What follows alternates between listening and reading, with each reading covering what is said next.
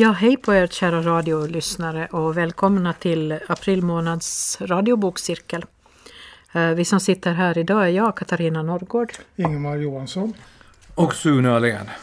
Eh, och idag har vi gett oss på en riktig tegelsten, nämligen Karl Ove Knausgårds Morgonstjärnan. Och jag tror väl att de flesta har hört talas om författaren i fråga, kanske inte den boken just, men de flesta har nog hört hans namn i alla fall. Och de flesta har liksom några av oss här i bokcirkeln också lite fördomar mot Knausgård kanske. Eh, jag tänkte berätta riktigt kort bara om honom så får ni läsa på själva senare. Eh, Karl Ove Knausgård alltså, han är norrman. Han är född 1968 i Oslo.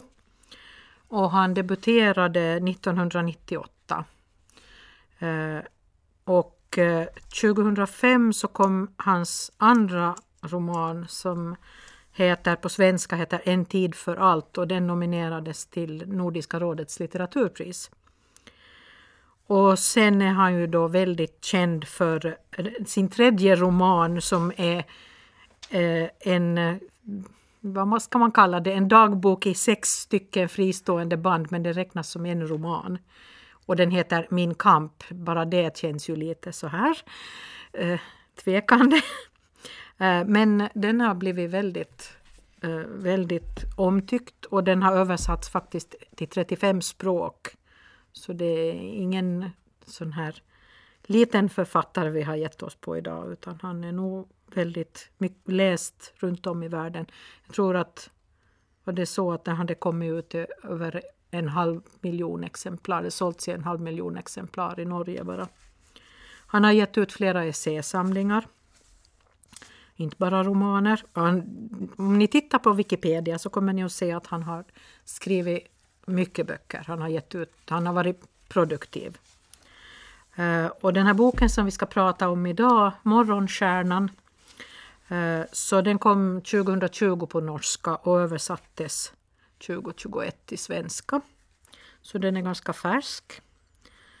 Eh, det står på pärmen storslagen läsning av en av världens främsta berättare. Vad säger ni? Är han en av världens främsta berättare? Ja, alltså, förlagen och läsarna kan väl inte ha fel. Men, eller mängden läsare. Mm. Och sen tycker jag nog han är Alltså det är väldigt många bokstäver för att säga det som är bra. Liksom. Men det är kanske är det som är bra. Det är liksom en meditation att gå in i en sån här bok. Mm. Mm. Ja, man ska säga om en av världens berättare. Jag har läst ganska mycket, men att sen frågar man vad berättar, det är svårt att... Om jag ska sätta liksom rangordna så tror jag inte att jag klarar av att göra det riktigt. För att det finns ju så många goda berättare och när man läser en bok så till exempel den senaste vi hade, Kerstin Ekmans Löpa varg. Så när jag hade den färdigläst, så hon är nog en av de bästa berättarna och tänkarna. Och när jag läste den här så då kommer man till att jo, men här är nog en av dem som jag uppfattar som de bästa berättarna. Och sen tror jag också det är viktigt att man kanske definierar vad det är man menar där med att berätta. Mm. Så, så det, en författare berättar men kanske inte alla gånger berättar ändå. Ja. Det beror på vad det är. Det är det där jag tänkte och det var därför som jag citerade den här, det här uttalandet från Dagens Nyheter just att det var en av världens främsta berättare. För vad menar vi med det egentligen? Är, är, är det det som är liksom författarens främsta uppgift, att vara en god berättare? Det är möjligen en av de viktigaste uppgifterna men jag tror att man kan också sätta ett annat ord på B, alltså beskrivare. Mm. Ja, för mig det, handlar det rätt mycket om att jag ska hitta mig själv i texten eller i berättelsen. Att, ja, men det handlar ju om mig. Och man, också får man en god vän, ungefär som vi sitter här och pratar ja. med varandra, så får jag i, i boken mm. vänner.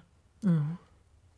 Och det är osökt att man på något sätt placerar sig själv in där i, eller att man, ja, vad säger detta mig? Mm. Vad vill den här personen berätta liksom åt mig eller kanske inte bara det heller utan jag läste en, eh, ett sån här, man gjorde små paket med sammandrag av böcker.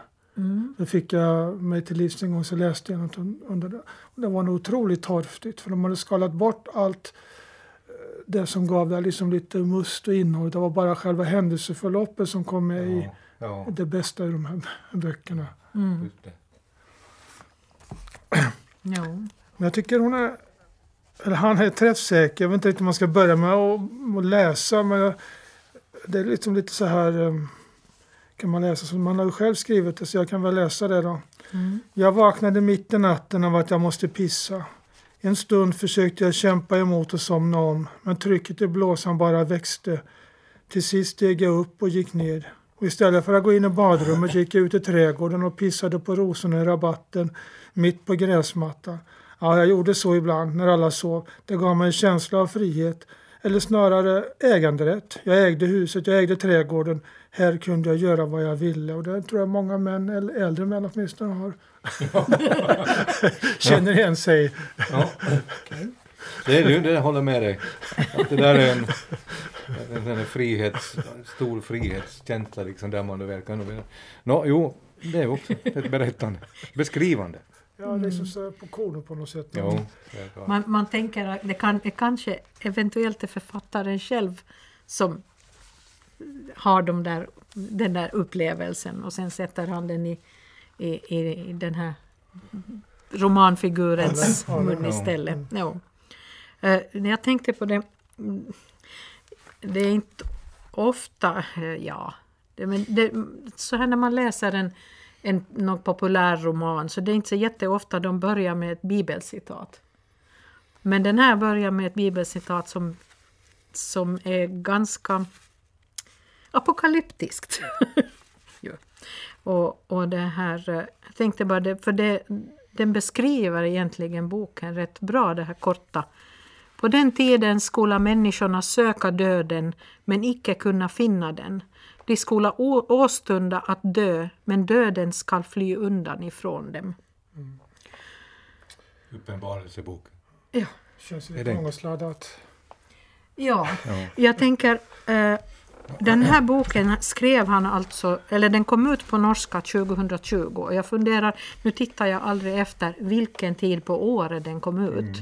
Men jag kan tänka mig att den kanske kom på hösten ganska sent. För i och med att den översattes till svenska först 2021 så måste den ha kommit relativt sent. Och om han har på något sätt låtit sig påverkas av eh, situationen 2020 från början av året då med pandemi och det var ju en man får väl säga nog att det var en ganska apokalyptisk känsla Ja. det året egentligen. No, det, inte, det var intressant. Det hade jag, jag hade inte tittat efter när den kom ut heller, så det inte, men att det, där, det där tycker jag låter som en mycket intressant eh, frågeställning att ta till sig när man tänker varför skrev man den just då? Och att vilket är budskapet, att vad är det som händer? Ja, bra, det där var mycket intressant. Nej, Nej men han har ju en, på tal om det här med berättande alltså, så så inledningsvis när jag tänkte ska, ska det fortsätta så här nu? Att i en sån här väldigt... eh, Kan du inte berätta lite vad upplägget på boken? Det är ju liksom Ska vi börja med det? Ja. 700 sidor och det är ett antal personer Ska som... jag- ska Ja, jag tycker det är klokast det och vi gör så. Det, det, så ska vi Jag har det skrivit upp sen. alla personerna i, i, i den Ja. ordning de dyker Man drar i upp. stora drag. Men det är i alla fall, vi har personerna är till exempel Iselin, en tonårsflicka, 18-19 år är hon väl. Emil som är musiker. Katrin som är präst, ångestfylld sådan. Arne som är gift med Tove som är psykotisk och det har ju sina sidor. Solveig som är läkare. Jostein som är journalist och skitstövel i största Men han allmänhet. var väldigt, det var märkligt för han var den mest intressanta att läsa om. Han var ju det. Den som var, inte hur många, många Ja. öl och Jägermeister han drack på en eftermiddag. Och kvinnfolk, jo. Turid som är Josteins fru och jobbar på ett psyksjukhus. Eh, Egil, Vibeke som är ung mamma. Och det är de som man får i turordning då följa. Några och mera och andra mindre. Han riktar mera in sig kanske på de här medelålders Det var personerna. ett, stycke var så här runt 50 sidor. Lite upp och ner. Ja, lite olika på. De, Jag skulle säga att eh, mest får de här medelålders männen komma till tals. Jostein och Arne. Det är nog mera de de, de kommer fram mera i alla fall. Men, men det betyder ju också att man får se väldigt många olika vinklar på samma, samma sak som handlar om en väldigt het sommar, några dagar egentligen bara. Och, och det här vad som händer när, när, ja, när det plötsligt börjar hända konstiga saker som att döda människor inte hålls döda. ja. Men han använder sig väl, jag vet inte hur man, hur man ska benämna författaren och berättaren här, men alltså man använder sig av de här figurerna för att placera ut olika dilemman. Mm. Jag tänkte på den här prästen. Ja. Prästen har alltid ett moraliskt dilemma. Fast det, inte, behöver- det är ofta inte så i verkligheten utan det är mer som man läser in i rollen. Mm. Och så var det någon som var, hade problem med tabletterna och driften att liksom att hålla emot. Och, Jo. Och, och, och sen dyker det också upp såna här eh, udda figurer. Mannen som, som klappar den här unga flickan på, på axeln och säger du äter för mycket. Och hon undrar vad, vad, det liksom, vad det angår honom. Så säger han bara jag är herren och sen går han. Och hon konstaterar ju att det- du är fullständigt galen eller men det sen finns, för, finns det många sådana. ja, det, det dyker ju upp lite sådana här som, som inte borde finnas. Nästan. Det, det är liksom... Jag tog ordet ifrån dig förut kanske. Förlåt. Du, du, du, skulle, du var på väg att säga någonting men jag tyckte vi skulle dra historien först. Jo, nej, men det är, absolut, det, det är ju det det handlar om. Att då måste, får man veta kanske när man lyssnar vad det är, vad, det är för en skrift det här egentligen, eller vad det är för en bok och så här. Men, nej, men alltså det, det som slog mig när jag började, liksom, riktigt i början, tänkte ska det vara på det här sättet nu? Att man har, det, det är ganska detaljerat Mm. här, vad, vad personen i fråga gör. Ja, det är lite tröttsamt i längden men samtidigt lite fascinerande. Jo, men det, det, jo, och sen kommer nog när man kommer in i boken ett bra tag, tänkte jag, det, det här behöver, man, man behöver ha det här. Ja.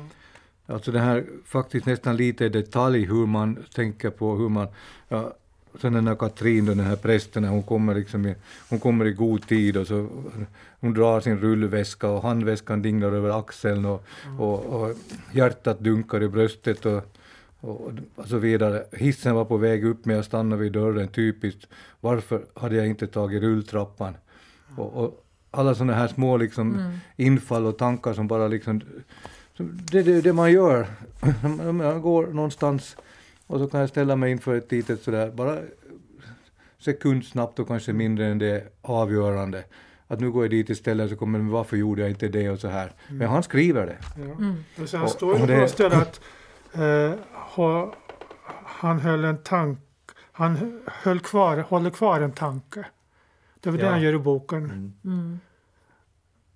Men Precis. det, men det är lite så, den är lite sån här, vad brukar de kalla det, stream of consciousness. Att det liksom, det, det kommer, just, just det här för personernas tankar, så, för det är precis så där man tänker, det liksom fladdrar från det ena till det andra och sen plötsligt så stannar man upp och tänker, hur kom jag till det här? Hur hamnar jag här i de här tankarna?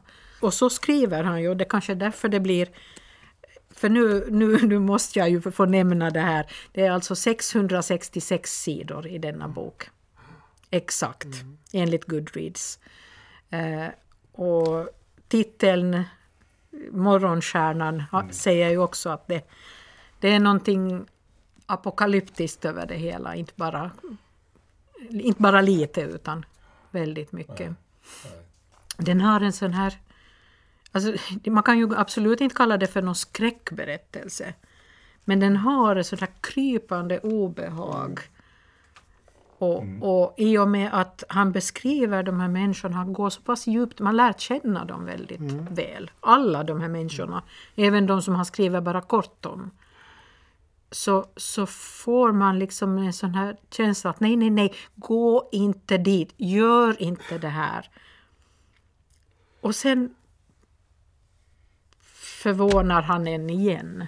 För jag var åtminstone helt övertygad i ett skede när eh, den här Turid gav sig iväg ut i skogen för att hämta en, en patient som hade rymt från sjukhuset.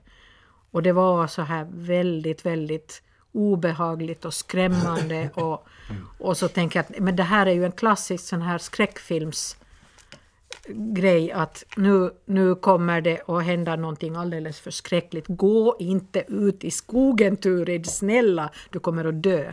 Fick du något svar? Inte hände ju, hon kom ju tillbaka. Det var ju det, att det, det var inte en skräckfilmsscen i alla fall. Det är rätt kul att läsa en bok när man, när man får en, en sån här egen, egen historia. När man läser boken så har man en parallellhistoria i sig själv. Vad, dels vad boken ska handla om egentligen och sen refererar man till sitt eget liv och sina egna vänner och bekanta. Vem liknar det här och vem är jag? Ja, Jag, tycker jag, fick en känsla, jag funderar, vad det, jag känner någonting när jag läser boken. Vad är nu det? Jag får en känsla av kontaktlöshet i de här, eller svårighet. De, de får ingen riktig kontakt med varandra. De umgås och träffas och, och pratar så här. Mm, säger du det? Och ja, och det säger jag och så där. Det, det, mm. jag tänker på, och, och man fick liksom inte alla, det, var, det kanske kommer i följande böcker sen då. För det är väl en, ska det bli två till av det här. ska det? Har jag förstått det som, jag kan ha fel. Oj, Det där vet jag inte heller. nej, nej. det har jag faktiskt missat Men, Nej. Jag skulle vilja haft eh, barnens perspektiv. Jag skulle vilja haft eh, Arnes eh, psyksjuka hustrus perspektiv. Mm, mm. Och sen var det ju Vibeke, den här unga mamman med sin, sin man då, som väl är bra mycket äldre. Henne fick vi bara träffa egentligen i ett kapitel. Ja. Så att man tänker att kanske, ja, du, du kanske har rätt. Ja, det där har jag missat faktiskt i så fall att det är så att Nej, men Det ska bli ju, det Vi får det, se. det, är väl Ja, det som ja. är själva boken att, som gör att den är bra. Att vi har så olika referenser och Jo, olika jo. ingångar och utgångar. Och den har ju ett väldigt öppet slut så det, det ger ju liksom nog möjlighet till flera böcker, verkligen. I och med att det också, är- vad var det, är den under tre dagar eller var det fyra dagar? Andra dagen stod det Två Var det bara andra dagar? Två dagar, ja. jag tror, jag tror det är två. Men sen kommer den där avslutande delen där med, med Egils eh, bok eller berättelse eller essä eller vad man nu kallar det. Mm. Som kanske då inte direkt är kopplat till någon av de här dagarna. ja. Utan den är, Jo, jo, nej den, den, den den var ju helt annat- separat. Ja. Ja. Då ska vi se, vem var det som, hade, som skulle ta emot sitt barn som kom på bussen? Det var Eh, Det var Egil. Egil. Jag tyckte det var, det var jobbigt att läsa. Tänk, jag skulle vilja läsa det barnets perspektiv. ja, jo. En, en, Det- eh, en, eh, det är barn som lever med sin mamma. De har väl egentligen delad vårdnad av föräldrarna men mest med mamma. Och rätt vad det ringer mamma till pappan och säger nu är barn, ditt barn på väg. Men jag har inte tid, säger han. Mm. Och sitter på bussen nu. Ja, Jag vill inte komma. nej. Jag vill inte vara där. Barnen vill inte vara där och han, pappan vill inte ha honom där. Och mamman har stuckit Mamma södern. säger att du är en suput. Jo. Ja. Ja, men jag funderar lite, vad, vad ska man egentligen sätta som någon sån här... Vad är drivkraften hos Knausgård när han skrev den här boken? Och vilket, vad vill han nu förmedla då, om det sen är berättelse, men det finns någon slags drivkraft där. Och det är alltid intressant liksom att tänka, och sen behöver det inte alls vara på det sättet. Jag hade faktiskt en plan att jag skulle ha skrivit till honom och frågat. Att, ja, men jag brukar göra så ibland. Liksom. Ja. Jag har skrivit till Susanna Alakoski och, och har sen fått långt svar och så här. För det är liksom alltid intressant liksom, och, då, och då får de en respons också. Mm. Så, men jag kanske gör det efter att vi har pratat här så att jag skriver. Jag, jag, på något sätt uppfattar jag ändå att att den här boken är liksom, om man ska sätta en rubrik på den så är det liksom en existentiell berättelse. Mm. Men Men Egil det ser kanske ni får komma med info. Men liksom det är någonting, det, det är den här existentialismen, liksom existens och kopplat då till essens Mm. som... Och, där blir man att tänka liksom, han, han hänvisat, tror jag, om jag vill komma ihåg, faktiskt till både Kierkegaard Mm. Och Heidegger. Jo, det stämmer. i den här. Det kommer liksom i någon av de här, nu kan jag inte exakt säga, jag försökte leta men det är drygt 600 sidor som sagt. och, och den som ju på något sätt av filosoferna ändå brukar kopplas liksom till den här existentialismen så är ju Sartre. Mm. Och, och, Och här har vi liksom någonting som jag tycker att det kommer liksom så väl in i det hela med, med det hela. Och Ingemar, här har vi ju teologen och, och allt men nu så. Ja, men att en sån här, det är inte bara döden som kommer utan det är också frågeställningen, finns Gud? Mm. Som dyker upp på liksom flera ställen liksom, och framförallt i den senare delen sen där då. Och här har vi ju liksom då existentialismen står den nästan till avskaffande av Gud som någon sån här stor övergripande skapelse, motpol till Platons eh, helt gudomliga och orubbliga världsbild skulle man kunna säga. Så jag, jag, jag blev liksom inne på det där och tänkte att är det här Knausgårds brottningsmatch med existentialismen mm. på något sätt? Jag tycker jag funderar lite på vad är skillnad på olika levande varelser? Vad är det som gör att vissa sitter här att vi är människor men sen går vi hem och klappar hunden, att det är en hund jag klappar. Att vi, ja. Mm. Det, det, det, det, du, du förklarar det mycket bättre liksom, egentligen mm. vad jag försöker säga. Och att det här att med den meningslösheten, liksom, att det, essensen brukar man ju säga liksom, att det är meningen med tillvaron, liksom, den här and, andan att vi har, att vi existerar det är ju liksom klart och tydligt, det liksom kommer först då, men sen kommer nästa steg då, liksom essensen på denna existens. Mm. Och, och, han är inne på det här och så kommer liksom det oundvikliga slutet och den apokalyptiska kanske. Men även då att koncentrationen lite på döden och vad är det? Så dyker de upp där. Så sitter de där plötsligt, och, och de här varelserna som nu egentligen då är eh, döda. Jag tänker på det här slutet då som, där den här essän där han blir denna Egil då blir, liksom, han följer med då på den här begravningen, det är en man som ska gå på sin dotters begravning, hon har blivit överkörd, att hon cyklar ut på, på vägen tydligen och blir överkörd, men kom med då och alltihopa. Och plötsligt ser han liksom flickan sittande där i parken. Mm. Och nu ser också den här Egil, och han har ju, för, han har ju slagit ifrån sig detta, det här är bara något som finns i din fantasi, mm. i ditt huvud. Men nu ser han liksom, jo men det, hon har bandaget, hon har liksom allt skadorna, det, det är ju hon. Mm. Det är lite sån här biblisk ungefär, Emmausvandrarna och man ser liksom att jag, du ser såren. Mm. Du ser liksom att det, det, är inte bara någonting som finns utan titta här nu, mm. här står jag. Så att det får så många, ja det här far väldigt långt nu, jag är medveten om detta så jag ska försöka att komma ner på jorden här igen om det heter så. Mm. Utan någon större metaforer för sådana som ska komma ner på jorden. Men, men i alla fall, för mig var, var det, blev det liksom ett filosofiskt, eh, jag bara rycktes med in i detta. Jag tyckte det kändes bra att få det här perspektivet som man har, att den här syndafallsberättelsen i Bibeln, att den är ofta, uppfattas ju ofta som en moralisk, en berättelse om moral.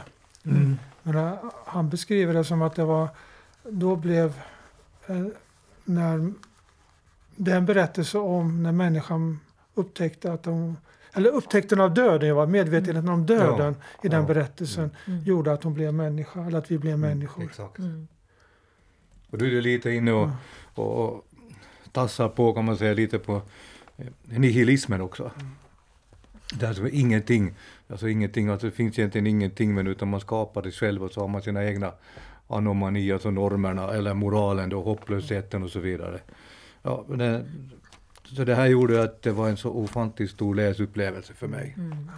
Jag tänker just det här med, med, med det här döden och, och det. Uh, det är väl egentligen första för det första stället i den här boken som, som vi kommer till där, där man inser att det är någonting som är väldigt fel, om det nu ska vara fel. Men det är någonting som, som inte riktigt som, som vi är vana vid. Uh, och det är, är det här, den här prästen Katrin som ska då begrava en man, en äldre man som har dött. Jag tänkte läsa riktigt kort slutet av det kapitlet för att det, är, det säger en hel del om resten. Eh, hon är då det är tillsammans med, med det här eh, begrav, begravningsentreprenörerna eh, som är en äldre och en yngre man. Har du hittat några fler upplysningar om honom, sa den äldre. Tyvärr, sa jag, bara födelseort och datum och bostadsadress. Har ni? Nej, sa den unge, det finns ingenting. Inga släktingar, inga vänner. Kollegor? Äh, inte det heller. Han hade egen firma. Vad han sysslade med går inte heller att reda ut. Det är det sorgligaste som finns, sa jag och gick ut, ur kyrk, ut i kyrkan. Att bli begravd ensam menar jag. Sitter ni med båda? De nickade och jag tittade ner i kistan. Det var som om allt blod försvann från mitt huvud. Jag kände det ansiktet. Det var mannen från hissen, mannen som hade besvärat mig i ankomsthallen. Men det var omöjligt. Det var omöjligt. Dödsfallet hade anmälts för tio dagar sedan. Begravningen var beställd för en vecka sedan. Mår du bra? sa den unge begravningsentreprenören. Känner du honom? sa den äldre. Nej, sa jag. Jag känner honom inte. Uh, och det här var då alltså, hon hade träffat den här mannen bara ett par dagar tidigare i ankomsthallen vid flygfältet. Men jag tänker också att det allra, allra sista, jag inser det nu när jag läser det högt. Nej, sa jag, jag känner honom inte. Det låter nästan som eh, när Petrus förnekar Jesus. Mm. Ja. Så att eh, här, ja, vad ska vi kalla det här? Är det magisk realism eller vad är det för någonting? Det, ja, jo, det kan man säga. Men det är att utmana jag tror det är att utmana. Åtminstone kände jag att jag blev utmanad. Mm. Att tänka, utmanad att det är... Det är som tonåringar, jag har jobbat med tonåringar liksom hela mitt liv och det. Och de gillar det här liksom att ställa de där frågorna. Är det faktiskt, är det det här vi ser, är det faktiskt det vi ser? Och sen kan man liksom på vidare hålla på hur länge som helst. Men det är lite grann att utmana mitt sätt att se på tillvaron, mm. existensen då. Så man kan, många gånger så blir jag liksom att, är det det han vill då? Eller kanske han inte vill det, utan bara en, en diskussion om... Om man tänker på essän där i slutet, att människan blev, jag kommer inte ihåg hur det exakt står, men när människan eh, blev varse döden mm. så blev, ja. blev hon människa. Mm. Att, och, och så beskriver han då det här, jag vet inte om det är norrmännen beskriver eller vad det är för typer. Mm. Att det, det, denna stora fråga då, enligt Knausgård då, att upptäcka döden, leva med döden som en, då får man liv liksom. Som, mm.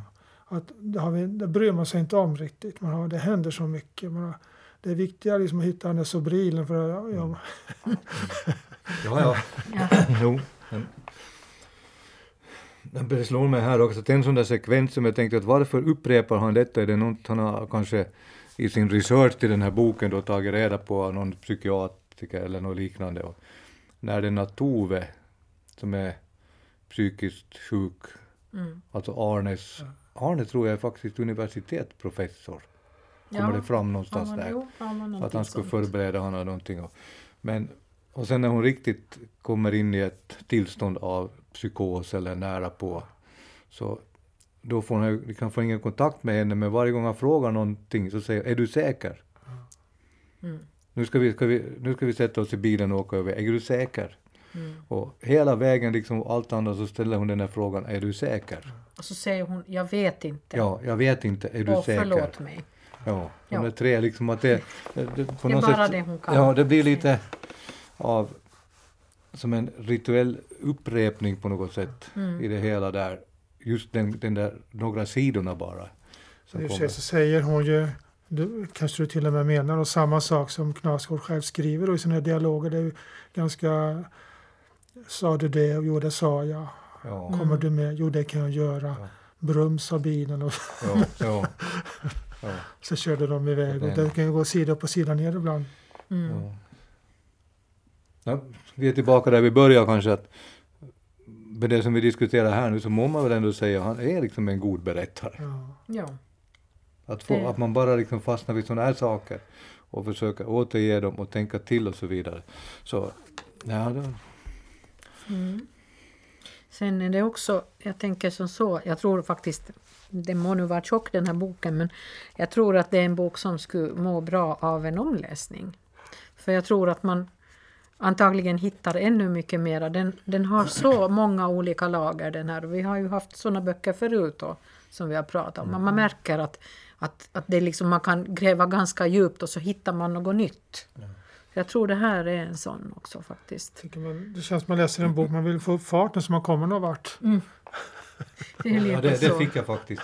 Ja. Först tog det länge och så tog Ja. det mycket och så somnade jag och så tog det ännu mer länge.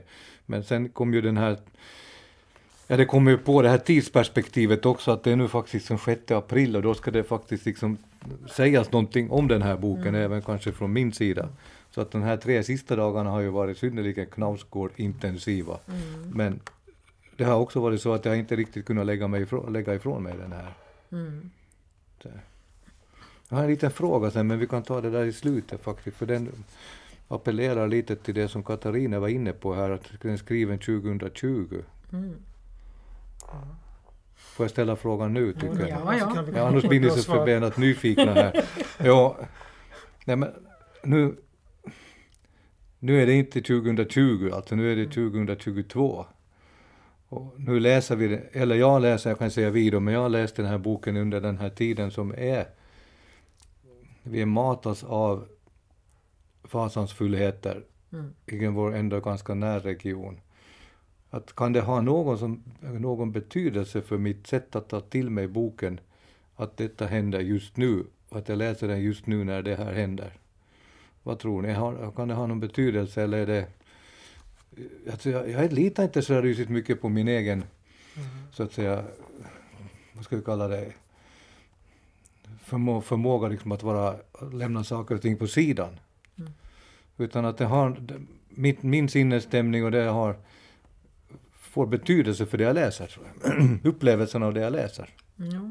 Men det är ju så, man läser ju inte i ett vakuum. Nej. Det finns ju ingenting sånt. Nej. Du har alltid, oavsett hur omvärlden ser ut just när du läser, så har du ändå dina egna upplevelser och ditt liv liksom som du på något vis Ja. blandar i den här läsningen. Det är ju så. Men, men jag tror nog att det kanske lite påverkar ändå för att den jag kan väl inte säga, den är ju inte nattsvart på något sätt den här Nej, boken. nej. Men nu är det ganska mörkt. Ja. Och det är väldigt, alltså det som jag tycker att jag märker med de här personerna, det spelar ingen roll om de har familj eller om de är ensamstående, de är alla ensamma. De är alla en ö, så att säga. Oavsett om de bor på en eller inte, så är de ensamma människor. De, de har människor omkring sig, men de kan inte riktigt relatera till dem, de kan inte riktigt kommunicera med dem. Det är inte bara de här tonåringarna, det räknar man ju med att tonåringar kan ha lite svårt att kommunicera med, med vuxenvärlden, men, men det gäller allihopa tycker jag, Mm. rent generellt. Okej, alltså ja, det är ju helt det är självklart att det ni säger. Man kan också tänka sig att varje sak man gör kanske är ett sätt att avgränsa sig från någonting annat. Men det är ju ändå påverkade över gränserna. Mm. Precis som man ligger och läser så plingar det till i telefon och så tittar man och så får man något meddelande. Och så, det påverkar ju också Ja. läsningen. Men jag kan Ja. tänka mig för mig kanske att det blir kan bli mer forcerad läsning. Kanske tankarna snurrar rätt mycket sådär. Och, Mm. och man Mm. läser liksom lite mer streamning liksom. Ja, jag, jag tyckte själv åtminstone att den här boken, den, den tog, även om den är lättläst och jag gärna skulle ha plöjt den så gick det inte. Det var lite så här att okej, nu måste jag lägga den åt sidan. Sen när det dyker upp katter som med avslitna huvuden, då la jag ifrån mig boken helt och hållet och pausade några dagar. det var för mycket. Men, men eh, den, den krävde nog lite andningspauser faktiskt. För, för att det skulle sjunka undan så kunde man fortsätta läsa även om den är ja, definitivt välskriven och välberättad. Och man vill verkligen veta hur det går för de här personerna. Man vill veta vad katten det är som pågår egentligen i, i Norge en het sommardag eller två. Jag hade ju för mig att norrmän var ett friskt och sunt folk men här, här är det bara Ja. massa problem hela tiden. Det, det är faktiskt ingen av dem som går på tur. Det, det är verkligen, de är inte riktigt de här stereotyperna, nej. Det är, de, Men det de super och... svenska eller finnar, jag vet inte. Det står Ja. inte. Jag menar, de dricker och de missbrukar piller och, och de har ätstörningar och det är lite allt möjligt egentligen. Peta på varandra. Ja, nej, det, det också. Ja. ja. Jag tänkte för det, det dyker ju upp mer och mer de här, det kommer ju de här hallucinationerna. Vi- Vi har liksom, får en beskrivning av just tonåriga Iselin och, och en, en hallucination som hon råkar ut för när hon är ute på krogen. Sitter på en uteservering och får, får för sig att det brinner. Ja. Och hon är helt säker på att det brinner och, och, det här, och börjar skrika om att det brinner och ingen annan ser det. Och så småningom sen så, så nämns det lite i texten då och då att, att det har varit något mera masshallucinationer nästan i vissa avseenden. Att det, det, folk ser saker som sen kanske inte finns där i alla fall. Och, och alla dessa konstiga djur. Det dyker upp råttor och det dyker upp Krabbor. svarta fåglar och krabbor. Krabborna, Krabborna, ja det var ganska obehagligt. Och det är ju lite så här att fo- folk, de personerna i boken så funderar ju lite på att jaha, att det kanske är någonting har det någonting med klimatförändringen att göra? Det här med till exempel krabborna då som kommer upp i massor och, och kravlar över vägar och sånt där. Och det är ju något helt onaturligt för krabbor. Men den där morgonstjärnan då? Ja, den, den här titelstjärnan. Och den finns ju. Det är ju det. Alltså det är ju inte bara, den finns ju inte bara i titeln utan den beskrivs ju verkligen. Och ingen vet riktigt vad det är. De tar teorier. Det är en supernova. Men den är ju så stor och den ser ju så nära ut. Hur stor är den då? Ja, det vet vi ju inte riktigt. Nej. Det säger han aldrig. Men den syns väldigt tydligt och den kan, man kan inte låta bli att upptäcka den eller märka den. Den Nej. lyser väl lite som månen ungefär. Mån, ger ett månskensljus på något sätt. Ja, den, den lyser i alla fall. Och den är väldigt, väldigt ljusstark och väldigt stor. Men det finns en liten, no, no, bara, no, några rader tror jag som man också använder sig av den här bibliska, ska vi tolkning av morgonstjärnan, kan vi säga tudelad tolkning av det hela. Mm. Som är teologisk där. Och, och det är ju dels att den är någonting gott och någonting bra så att säga från Gud. Och allting då på det sättet är. Men, men sen kan den också ha en sån här Lucifer Mm. betydelse. Mm. Att vi får den här tvet, alltså egentligen så bygger liksom hela det här på en någon slags dualism. Den här tvetydigheten mellan att ser jag det jag ser eller är det, vad, är det här handlar om? Leder det här till någonting dåligt, precis som Katarina var inne på här, att man blir liksom nej, nej, nej, gå nu för tusan inte dit nu. Mm. Men, för det kan ju hända obehagligheter, liksom att stopp, stopp, men jag måste ju hitta honom då, han har rymt och så här. Så att den här morgonstjärnan kan, jag börjar fundera liksom varför använder han sig av detta som bokens titel? Mm. Det finns ju som en, eh, en fond som, som berättelserna eh, utspelar sig med. Den, den där morgonstjärnan är ju ganska... På ett sätt är det viktigt. Men det är nog baksidestexten och den här rubriken som styr läsningen rätt mycket. Mm. Men alltså tänker jag att han, han brottas ju, eller han, han kritiserar vetenskaps... eh, Mm. se, sättet liksom att det är bara det rationella som gäller. Han försöker få in det irrationella i, som en verklighets... Som en del av verkligheten. Jag fick en sån här det är kanske en, en av de riktigt stora läsupplevelserna hos mig. Vi ska inte, nu det, det kommer inte med något tips här nu för att det, det, det är liksom tre böcker det som är lika tjocka som den här var. Så det var, nu, nu blev ni lite rädda här, jag såg det med en gång att det blev för mycket. Men Murakami, Mm. han har utgjort tre, en trilogi som är 1Q84. Mm. Och, och det är ju... Murakami var ju så här, alla säger att man måste läsa Murakami, så tänkte jag att jag köper nu den där ettan då, så, men sen gick det nog inte liksom att låta bli, liksom tvåan och trean blev synnerligen viktiga. Men där handlar det, det, det är ju också en sån här vad är sant? Är det här faktiskt riktigt? Stämmer det här nu? Mm. Går den här vägen här? Det har aldrig gjort, det har aldrig varit, jag har aldrig sett det här förut och så vidare. Och, men det som är intressant med den är att det är inte en stjärna utan där blir det plötsligt två stycken månar Ja, just. på kvällen liksom när han Mm. tittar. Och på himlen lyste två månar. Mm. Och, så, det är inte liksom morgonstjärna men vad jag kommer ihåg nu av 1Q84 så var det, det är just också denna existentialism och Mm. tro, trovärdigheten. Och sen kommer det in liksom vad de pysslar med och håller på med och känslor och tankar och längtan och sånt här. Mm. Men eh, jag vet inte, det, det var det jag också vilja fråga Knausgård om. Det är någon slags inspiration av Murakami. Mm. Och säger han naturligtvis nej, jag kan nog hitta min egen inspiration men Det och det tror han är nog väldigt duktig på. Tror Ja. jag också. Men det, det är spännande det där tycker jag. Jag hade en, en, en liten fundering för eh, jag har läst ganska mycket böcker av, av det här John Ajvide Lindqvist. En svensk skräckförfattare. Och han har en bok som heter eh, Hanteringen av odöda. Mhm. Som, det låter ju som det är någon sån här zombie, och jo på sätt och vis. Men, men den, är, den handlar egentligen om döda människor som, som har dött, dött och begravts och som kommer hem tillbaks. Som kommer liksom och knackar på det men, men ja, släpp in mig då. Mm.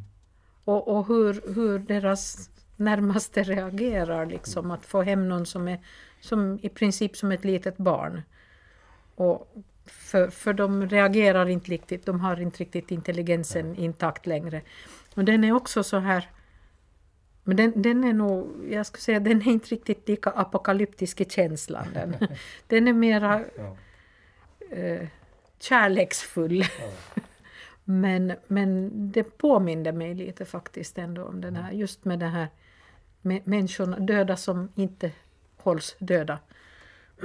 jag tänkte läsa riktigt kort bara eh, den här scenen när, när eh, läkaren eh, Solveig är med på en operation. Det är alltså det, ska, det är en organtransplantation som ska göras, eller donation. En, en man som har dött och blivit hjärndöd. Eh, och de har då ett, ett team där från Oslo som ska ta hand om de här organen. Vad i helvete är det som händer, sa läkaren. Det ska inte vara möjligt. Det är omöjligt. Jag tittade på monitorn. Hjärtat hade börjat slå igen. Kurvan var svag, men det var en kurva. Hjärtat slår, sa jag. Han levde. Ett slags panik spred sig i rummet. Ögonen ovanför maskarna var rädda, såg sig om efter något att hålla fast vid. Definitionen på döden är att den är irreversibel, sa Henriksen. Det går inte att komma tillbaka från döden, så han är inte och har inte varit död. Och det här, nu, nu tycker jag, här kom Knausgård liksom, nu, nu blev han riktigt intressant. Döden, definitionen på döden är att den är irreversibel. Mm. Det går inte att komma tillbaka från döden. Ja, Men då finns det ett mellantillstånd som, man inte, som inte är så väl beskrivet kanske. ja och det tänker jag på sen. Eh, den här Jostein som inte fick ett, eh, en hjärtattack utan hamnade i koma i 13 dagar. Var var han någonstans tycker ni? Vad tror ni? Det, för det tyckte jag var väldigt fascinerande den, den, den, den delen. När han vandrar, vandrar runt och, och, och det här eh, funderar på att åka över med en färja över en flod. Var var han någonstans? det känns som att han var eh, i grekiska mytologin. Ja. Jo, jo. Väldigt, Styx. väldigt, definitivt Styx, ja. Mm. Och sen träffade han ju på, ja det var ju den här floden Lete också, som han hade druckit ur, så han kom ju inte ihåg någonting. Men hur, hur hänger det ihop med det här resten, tänker jag. Och det är därför jag tror på dig Ingemar när du säger att det, det, du har hört att det skulle komma flera böcker i serien, för jag tror det finns mer att berätta här. Ja. Ehm. Ja, så det, när någon beskriver tillvaro som inte är sådär rationellt handlingsinriktad så att ena, ena händelsen följer på den andra så då kan det då är det inte så intressant att fundera på det, har det här hänt? Mm. Det är liksom mer en intressant berättelse som man följer och Mm. ser var, var, vart leder det här? Mm. Och vad händer med mig? Ja. Just det. Ja. Det där är den viktiga frågan tycker jag. Först så här, vad händer med mig? Och sen liksom vad kommer att, kommer att hända med mig? Mm. Och, och lite grann med varför, varför gör jag så här? Hon, Katrin hette hon, var prästen. Ja. Mm. Hon bestämde sig bara plötsligt för att liksom stanna en, hon går inte hem. Hon tar in på hotell i sin egen stad. Mm. Jag, be- jag behöver det här. Och sen kan det ju vara liksom att hon får fundera på sitt förhållande och det ena med det andra. Men, men liksom, vad är det som händer? Och det, hon ställer den frågan, vad är det med mig? Liksom, vad händer med mig? Och den där, det, var inte, det tycker jag var intressant att man säger, vad, vad kommer att hända? Liksom, att, varför blir det på det här sättet? Nej, jag vet inte, den där, jo det var en odyssé över lite, kanske nästan flera beskrivningar på vandringen till dödsriket som han liksom råkar ut för eller i den där 13 dagar. Ja. Men så finns det sånt där kort lite som man bara slår ifrån sig där i slutet för det är ju väldigt, eh, väldigt dramatiskt alltså för att han har först är han ju och, i sin journalistiska gärning och ska göra sitt livs skop. Och, och med de här, Ja. det, det kommer jag ihåg faktiskt, han, han, det var inte 2020 men det var kanske då också, men det har ju funnits i Norge de här djävulsdyrkarna som har bränt kyrkor och som har liksom rockgrupper som också appellerar till det här. Det har varit ga- ganska flitigt ett tag i Norge förekommande. det var på, eh, och så kommer de lite med här nu och då ska han få det där skopet på det där hur de är bestialiskt flodda och allt möjligt, de här kropparna, men det behöver vi inte gå in på. Och det där har han liksom nu, och det, det är det viktiga, men under den här tiden när han letar så råkar är hans mycket känsliga son. Och jag faktiskt försöker då begå suicid. Mm. Och, och, och, och den här, hans fru kommer inte, eller fru men i alla fall får inte kontakt med honom. Och då så hamnar han in i den här tillståndet då med den här sjukdomen och är 13 dagar borta. Men liksom, sen beskriver då Knausgård att då får men, men vad, vad, vad är det som är det viktiga? Jag har ju, jag har ju faktiskt en, en artikel, liksom, jag måste få ut det här. För det, det har hänt så mycket under de här 13 dagarna som du har varit borta i världen, Ja. så det där skriver man ingenting om mera. Och det får man aldrig, ja, det får vi ingen förklaring på. Nej. Ja. Var det då den här, tus, den här tusen åren där borta eller var det bara 13 dagar eller vad var det? Just det ja! Just det. Precis. Ja, det Jag tror du ska nog ta och skriva den där mejlen åt, åt Knausgård. Ja, men jag kommer att göra det, jag, Ja. tror jag faktiskt ska göra det för att det finns så mycket och framförallt det är lite... Men tänk om du får här, sån här bok. Vad gör du då? Läser du det brevet? Äh, jag tror inte att han skriver så långa brev. Och det är så viktigt, det är inte mitt mejl till honom. Men jag är mest nyfiken på, på, på de här lite frågorna. Det kanske skulle vara intressant. Jag får väl berätta någon gång om det blir något. Mm. Precis. Ja. Jo. Men det är ju faktiskt... Ja, jag tänker så det här... eh, I och med att slutorden i boken... Det, jag tror jag kan avslöja dem, för jag tror de säger, det säger inte så mycket. Nej. Eh, De är på sidan 664 av 666 då. Ja. Eh, Morgonstjärnan, jag vet vad den betyder. Den betyder att det har börjat. Det har börjat. Men vi vet ju ingenting ännu. Kommer vi att få veta det?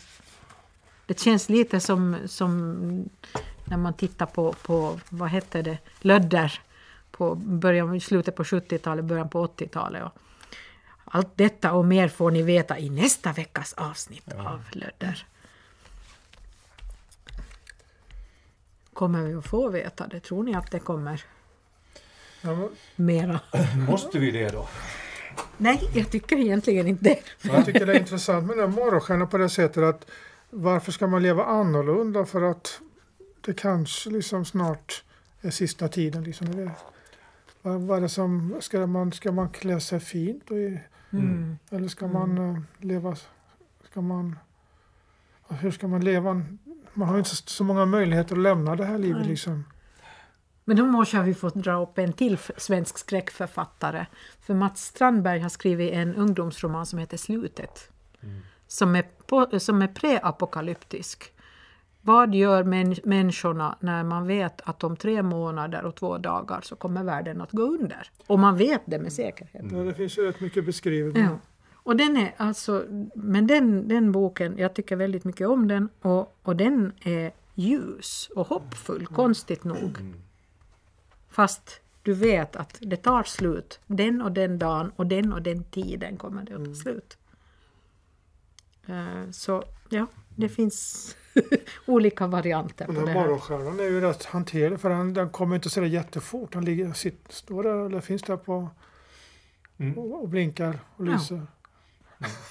Men den, är, den, är, den, den tränger sig in på, eller jo den tränger ju sig på för ingen kan liksom bortse från Nej. den. Men är det så då att man tänker att den här morgonstjärnan, det dyker upp någonting som inte har funnits där förut? Ja. Och man Lite liksom större. ser den och så sätter den igång en process liksom Ja. hos människor. Och så börjar man, ja, en del börjar hallucinera och andra börjar tänka till. Men, eh, Jägermeister till. ja. ja. Krävs det liksom att man får en, en, en start av någon sort liksom, för annars så lunkar vi på bara. Jag tänker det att den är på något sätt som, som om den skulle vara någon typ av omstart eller, eller Ja. ja, Mm. som, som får alla att stanna upp. För du kan liksom inte bortse från den. Du kan inte förklara bort den heller. Nej, den finns inte. Det, jo, det är klart, det kan man säkert, men ja.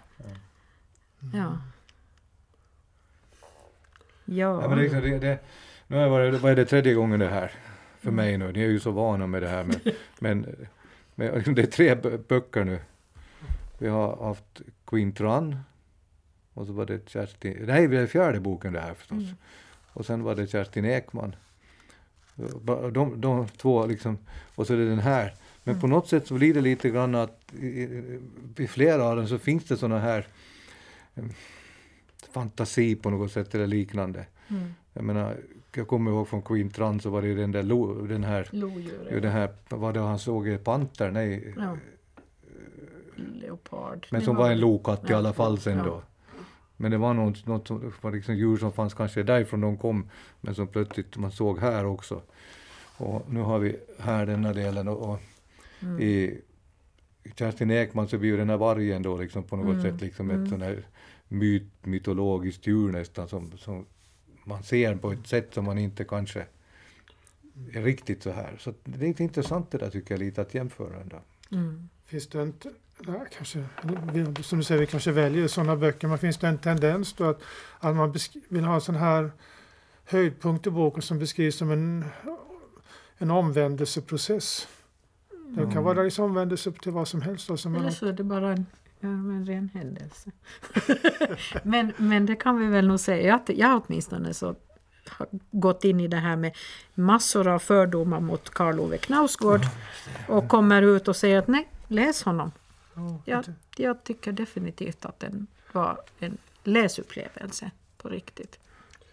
Och som ett tips, alltså, om jag tänker för min egen del, att ge inte upp på de första 150 sidorna. Nej, nej, Nej. fortsätt.